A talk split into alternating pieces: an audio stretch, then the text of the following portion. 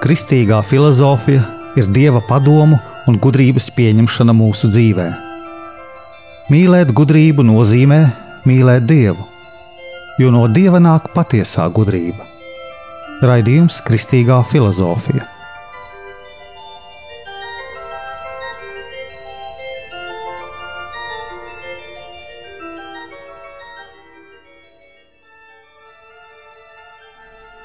Es esmu Jānis Valtra Vitsenheims, un ar jums ir 49. raidījums Kristīgajā filozofijā.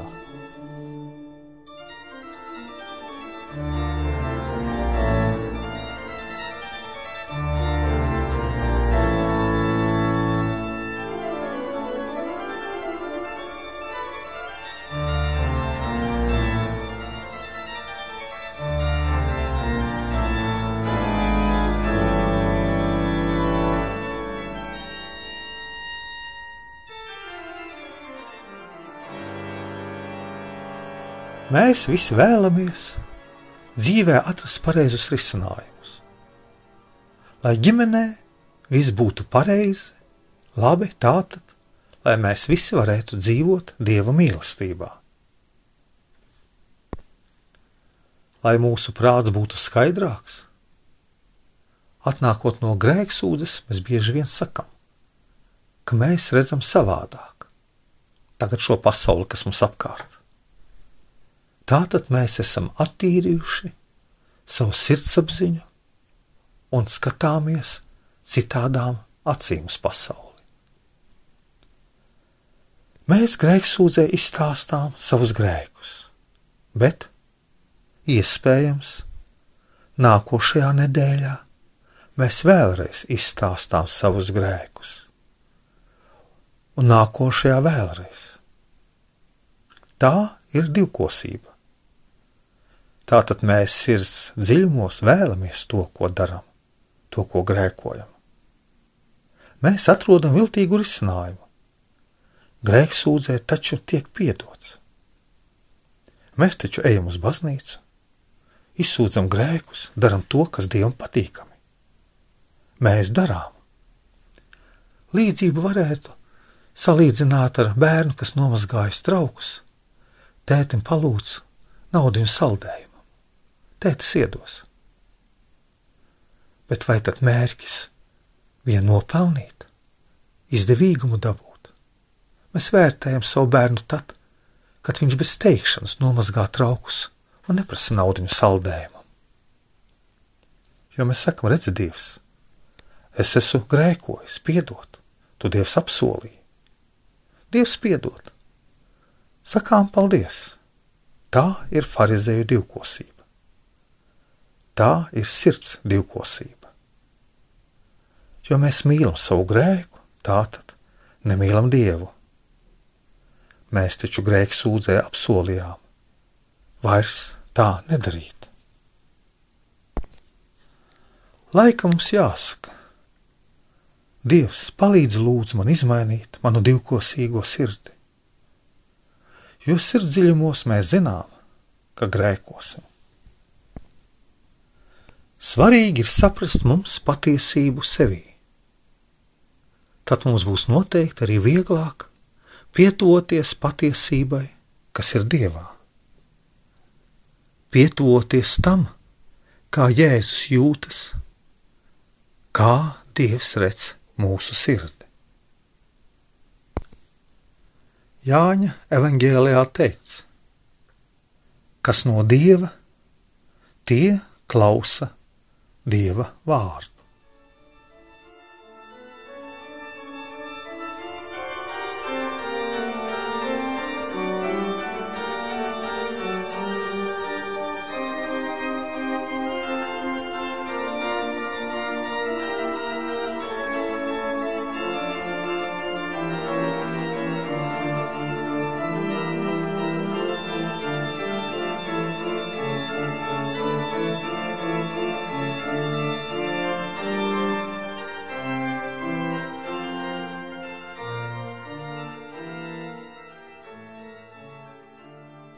Ja mēs saprotam, ka mūsu dvēsele cenšas pilnībā pieņemt Dieva vārdu. Tad mums svētā toma mācība ir skaidra, ka nevis dvēsele pati, kā tāda ir lietu pazinēja, bet prāts. Kas ir dvēseles spēja? Vienīgi dievā prāts un viņa daba ir viens un tas pats. Bet radībās prāts ir prātotāja, domātāja spēja. Lai mēs nebūtu divkosīgi, mums ir jāsaprot mūsu divkosība, un tikai tad mēs spējam sevi pārveidot tālāk. No tā, kā mēs pazīstam mūsu dvēseli, Svētais Akvīnas stūms pāriet pie jautājuma. Kā mēs pazīstam tīri garīgās būtnes un Dievu? Svētais Akvīnas stūms ietur baznīcas tēvu pazīšanas principu. Es saprotu, lai es ticētu. Es ticu, lai es saprastu. Šis princips izsaka to, ka mēs dabiskās prātošanas, domāšanas ceļā spējam pienākt pie dieva esamības atzīšanas.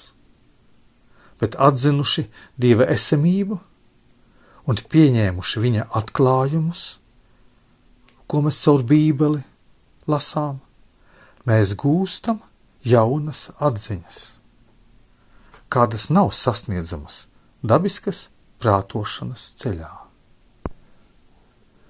Dieva atklājumi padziļina mūsu ieskatus gan par pašu Dievu, gan par viņa attiecībām ar mums, gan arī par mūsu pienākumiem pret Dievu. Svētais Akvīnas Toms prātodams par pasaules esamību un tās iekārtu, ved pie dieva esamības atzīšanas. Un kā galvenos šos punktus viņš uzskata tādus, ka pirmkārt, no kustības pasaulē pie dieva kā pirmā kustinātāja. Otkārt, no pasaules esamības pie dieva kā pasaules radītāja. Treškārt,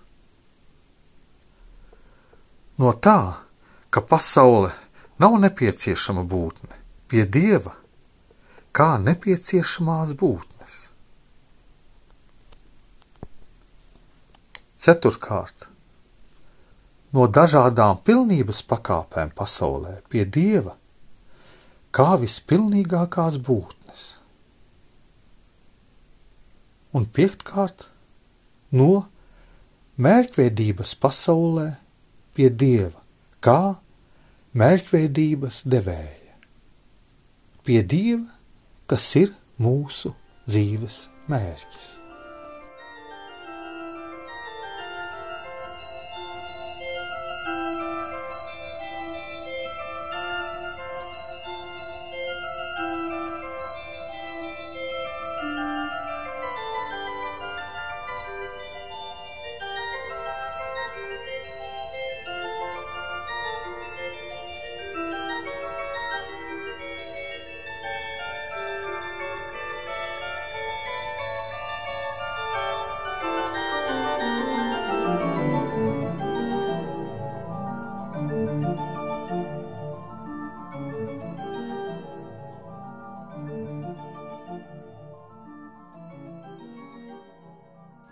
Ieskatīsimies Svētā Akvīnas stomā un viņa mācībā par dvēseli.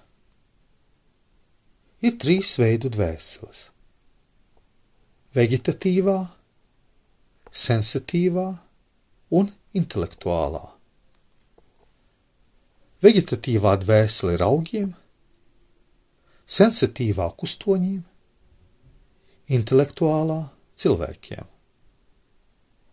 Augstākā dvēsele spēja izpildīt zemākas dvēseles funkcijas, un tāpēc, kā augiem, tā kustoņiem, un cilvēkiem ir tikai viena vienīga dvēsele. Veģetatīvā un sensitīvā dvēsele ir cieši atkarīgas no ķermeņa, un tāpēc bez ķermeņa eksistēt nespēja. Bet intelektuālā dvēsele ir garīga būtne, un tāpēc viņa spēja eksistēt arī bez ķermeņa. Mūsu dvēseles garīgums pierādāms ar viņas prātīgumu un gribas brīvību.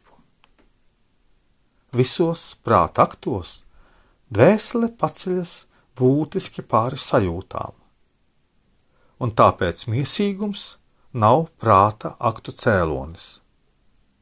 Bet šajā dzīvē tas ir nepieciešams noteikums, lai dvēsele varētu darboties.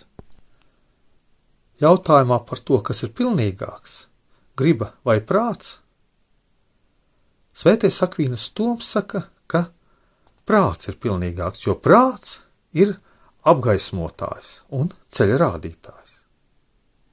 Tas arī gribai parāda, kas ir īstais labums un kas ir tikai šķietamais. No mūsu prātīguma un gribas izpausmēm ir slēdziens par mūsu dvēseles garīgumu, bet no garīguma par tās nemirstības un mūžības dzīvi nākamajā saulē. Ja skatāmies uz laimīgu vai nelaimīgu dvēseles stāvokli viņa pasaulē, tad tas ir atkarīgs no divām lietām. No cilvēka apzinīgās un brīvās rīcības šajā dzīvē, un no dieva žēlastības. Tas labums, kas visā pilnībā spēj padarīt mūs mūsu dzīves laikā laimīgus, ir tikai pats Dievs. Radības turpretim mums dotas kā līdzeklis, lai mēs sasniegtu pēdējo mērķi. Svētā Akvīnas Toma mācība nav jāsaprot tā, it kā laicīgajiem labumiem mūsu pasaulē priekš mums nebūtu nekādas nozīmes. Nē, Šī mācība māca, ka šajā dzīvē arī radītās lietas mums ir vajadzīgas un noderīgas, lai mēs būtu laimīgi.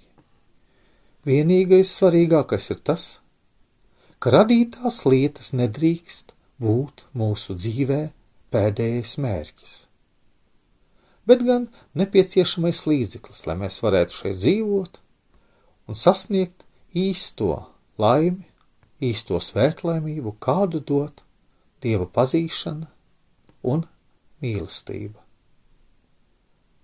Šajā dzīvē iespējama tikai nepilnīga laime, bet pilnīga tikai nākamajā mūžā, un pateicoties Dieva žēlastībai pret mums.